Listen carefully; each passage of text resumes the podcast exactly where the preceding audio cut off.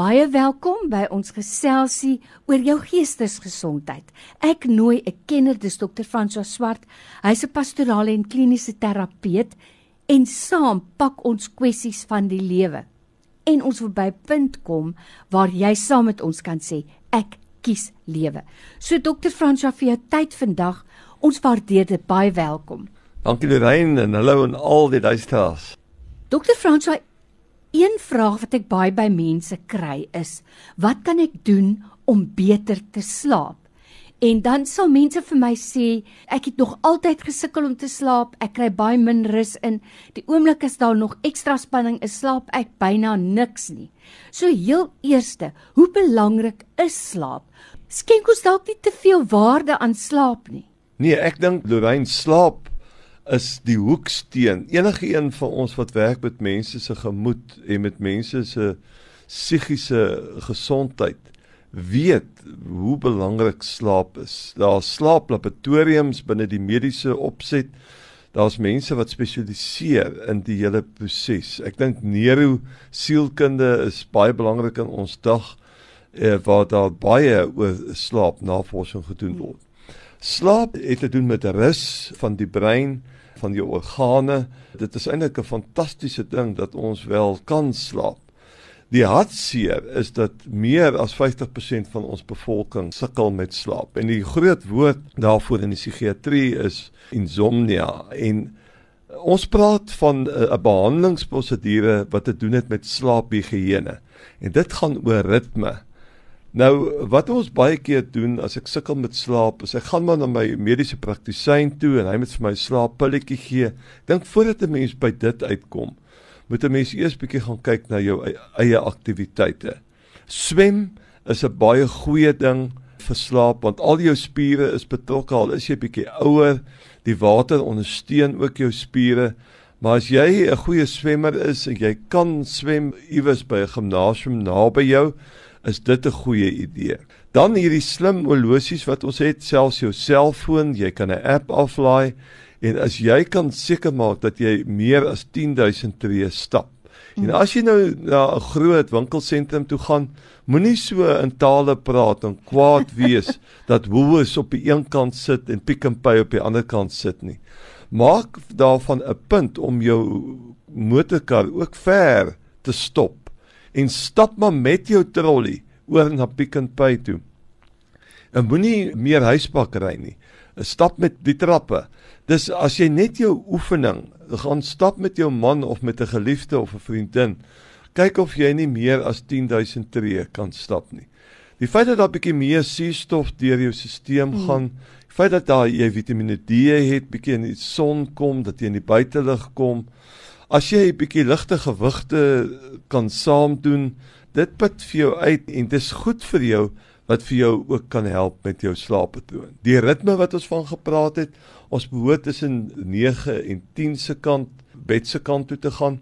Tussen 11 en 12 moet die ligte uit wees en dan eers hier by 6 uur 7 uur se kant behoort ons op te staan. Gewoonlik 2 uur moet ons dalk opstaan om 'n draai te gaan loop.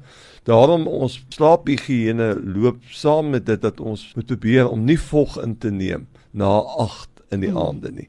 Dan jy nie nodig om in die middel van die nag op te staan nie. As dit wel gebeur, sou dit goed wees om na jou uroloog toe te gaan dat die ook vir jou kan help met dit. Maar die ritme van slaap moet geëerbiedig word. As jy vind jy word hier by 2 uur in die nag wakker, want dis gewoonlik wat ons wakker word en dan kan jy nie slaap nie. Dan sug jy gewoonlik jy draai op die ander sy en sê ek kan nie slaap nie. Jy begin dink oor alles wat vir jou hinder en dan eh, sug jy weer en dan draai weer na die ander sy toe. My raad is sodra jy die derde keer gesug het sluit maar uit die kamer uit as jy saam met iemand slaap of as jy alleen in die kamer is kom regop sit die lig aan kry vir jou kombersie gaan na die voorhuis toe gaan sit die televisie aan sommer op 'n op 'n nuusprogram, CNN of wat ook al, waar daar vinnige wisseling is, maar moenie nou 'n gewelddadige fliek kyk of so iets spanningsvolle fliek of 'n thriller nie. Waar jy lank draad moet nee, volg. Nee, jy, jy gaan na CNN of van die, waar daar kwaai wisseling is. Dit trek dan jou gedagtes weg van dit wat vir jou uit die slaap uithou. En binne 10-15 minute Jy voel jy is weer vaak jy raak sommer aan die slaap daar by die bank. Dis dokter François Swart wat so lekker met ons gesels oor slaap en die belangrikheid daarvan. Nou, ek het altyd gedink slaap is 'n bietjie soos hulle in Engels sê overrated. As 'n mens wakker lê, bid, gaan doen huisbesoek, stap in jou gedagtes van een huis na die ander en bid vir almal. En dan dokter François, iets wat jy nou genoem het wat vir my regtig belangrik is, is hoe keer 'n mens dat jy nie daar as jy wakker word aan probleme begin dink nie, want dan kan jy maar net sowel opstaan en aantrek en gereed maak vir werk. Jy sal nie weer slaap nie. Hoe keer 'n mens dat daai gedagtes in jou kop kom nes maak. Dit gaan oor gemoedsbestuur en die belangrikheid dat jy vir jouself sê tussen 9 uur in die aand en 6 uur in die oggend dink ek nie oor my kinders en oor geld en oor al my siektes dit doen ek deur die dag nou die ding wat gebeur met ons Lorraine juis wanneer dit so donker is is wanneer al hierdie donker prosesse wat besig is om in ons lewe af te speel ook dan kom Neskop binne in die donkerte. En dan word dit baie erger. Dit lyk groot. Dit lyk groter, dit voel groter en dit is vir ons meer dramaties. Dis hoekom ons net nou gesê het, dis belangrik dat jy jou rotine verwissel, klim uit die bed uit, gaan sit op 'n ander plek en kyk of jy jou gedagtes nie op iets anders te kan fokus nie. Dink as 'n mens na Beethoven se 6de simfonie kan luister, wat ons weet met die brein as jy met die legato lyne, dis die lang lyne, die fluitte met die viole werk en jy sit musiek saggies op, jou brein kom in harmonie met daardie lang lyne en dit trek jou gedagtes dan weg van al hierdie donker gedagtes. Dis jy sê vir jouself en jou gemoed, ek moet oor hierdie goed werk, maar ek sal môre mm. saam met iemand daaroor werk, maar ek gaan nie in die nag daaroor werk nie en ek gaan my gedagtelyne wegtrek na hierdie tipe programme wat ek kyk wat vinnig wissel of lekker musiek of ek gaan in gebed of doen huisbesoek in my gedagtewêreld soos wat jy voorgestel het. Wonderlik. En dan Dr. François, ek het byvoorbeeld, ek is baie lief om te luister na audio Bybel waar hulle elke dag 'n stukkie gee. Um 'n stukkie van die Ou Testament, van die Nuwe Testament, 'n gedeelte van 'n Psalm en 'n gedeelte van 'n spreek.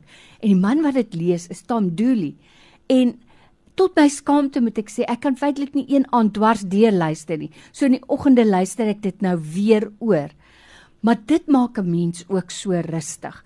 So ek dink daardie ek wil nie sê eentonigheid nie, maar rustigheid eerder kan 'n mens ook help om af te kalm en dan ten slotte net Wanneer ek nou wel en ek weet van ons luisteraars het meer probleme as wat ons regtig kan besef, kan vir ons kan indink. Maar wanneer ek in die aand gaan slaap en my laaste gebed, ek maak 'n lys van alles, ek gee dit vir die Here. Tweede in die oggend kan ek tog mos nou nie aan my kind se uh, probleme iets doen nie of aan my finansiële sake nie. So dan kan ek dit vir die Here gee en dan vir myself sê, nou kan ek rustig slaap. Môre, soos jy nou net gesê het, kan ek daaraan werk. So, watter rol het ons geloof in ons kwaliteit nie net lewe nie, maar slaap? Dit is so 'n mooi voorbeeld wat jy noem om baie keer dit waarmee jy worstel op 'n klip te skryf of op 'n stukkie papier te skryf. En uh, as daar 'n kruis in jou huis is om 'n bakkie daar naby te sit en met 'n daad dit aan die voetenend van die kruis te gaan neersit en sê Here ek gee dit nou oor aan u en ek gaan weer terugkom na u toe maar ek gaan nou wag en ek gaan kyk hoe hierdie ding homself gaan uitspeel of ek met iemand gaan sien wat vir my mm. kan help daarmee maar die daad om oor te gee dis so mooi wat jy sê dat 'n mens mens vroeg aand jou sorges vir die Here gee en dan moet jy die Here daarmee vertrou. Ek wil afsluit met 'n humoristiese storie. Ek sit met 'n tannie, sy's 74, sy sê ek het soveel skuldgevoelens. Ek staan op my knieë en ek doen my stilte tyd. My Bybel lê oop op die bed. Wie wat gebeur en ek begin gewoonlik half 8 in die aande daarmee. En dan skielik 11 uur. Dan skrik ek wakker. Dan ek op my knieë aan die slaap geraak en ek lê met my neus binne in die Bybel. en ek het sulke skuldgevoelens. Ek wonder of die Here my ooit gaan vergewe. En my antwoord was net vir haar tannie, is dit nie wonderlik nie. Die wonderlikste manier hoe jy aan die slaap kan oh. raak. Jy praat oor rustigheid. Ek dink nie uh, Bybel lees bring vir jou rustigheid, maar as jy met die Here praat, uh, kom ons gebruik maar Psalm 23 mm. waar Dawid sê, Here, U is my herder. Vat my na waters waar daar is is waar strome en uh, groen weivelde waar ek net tot rus kan kom. En mag dit so vir al ons luisteraars wees wat nou inluister, veral jy wat sukkel om te slaap. Onthou, daar is ons mediese mense wat ons kan help met 'n pilletjie. Onthou, daar is hoop vir jou, maar jy moet werk maak van jou slaappatroon waarmee jy so worstel. Dr. François Swart, hy's 'n kliniese en pastorale terapeut. Vir jou tyd vandag weer baie dankie. Ek weet hoe moeilik is dit nou om uit 'n besige skedule uit hier by ons se draai te maak. Ons waardeer dit. Dankie. Dankie Lorraine, dis 'n voorreg.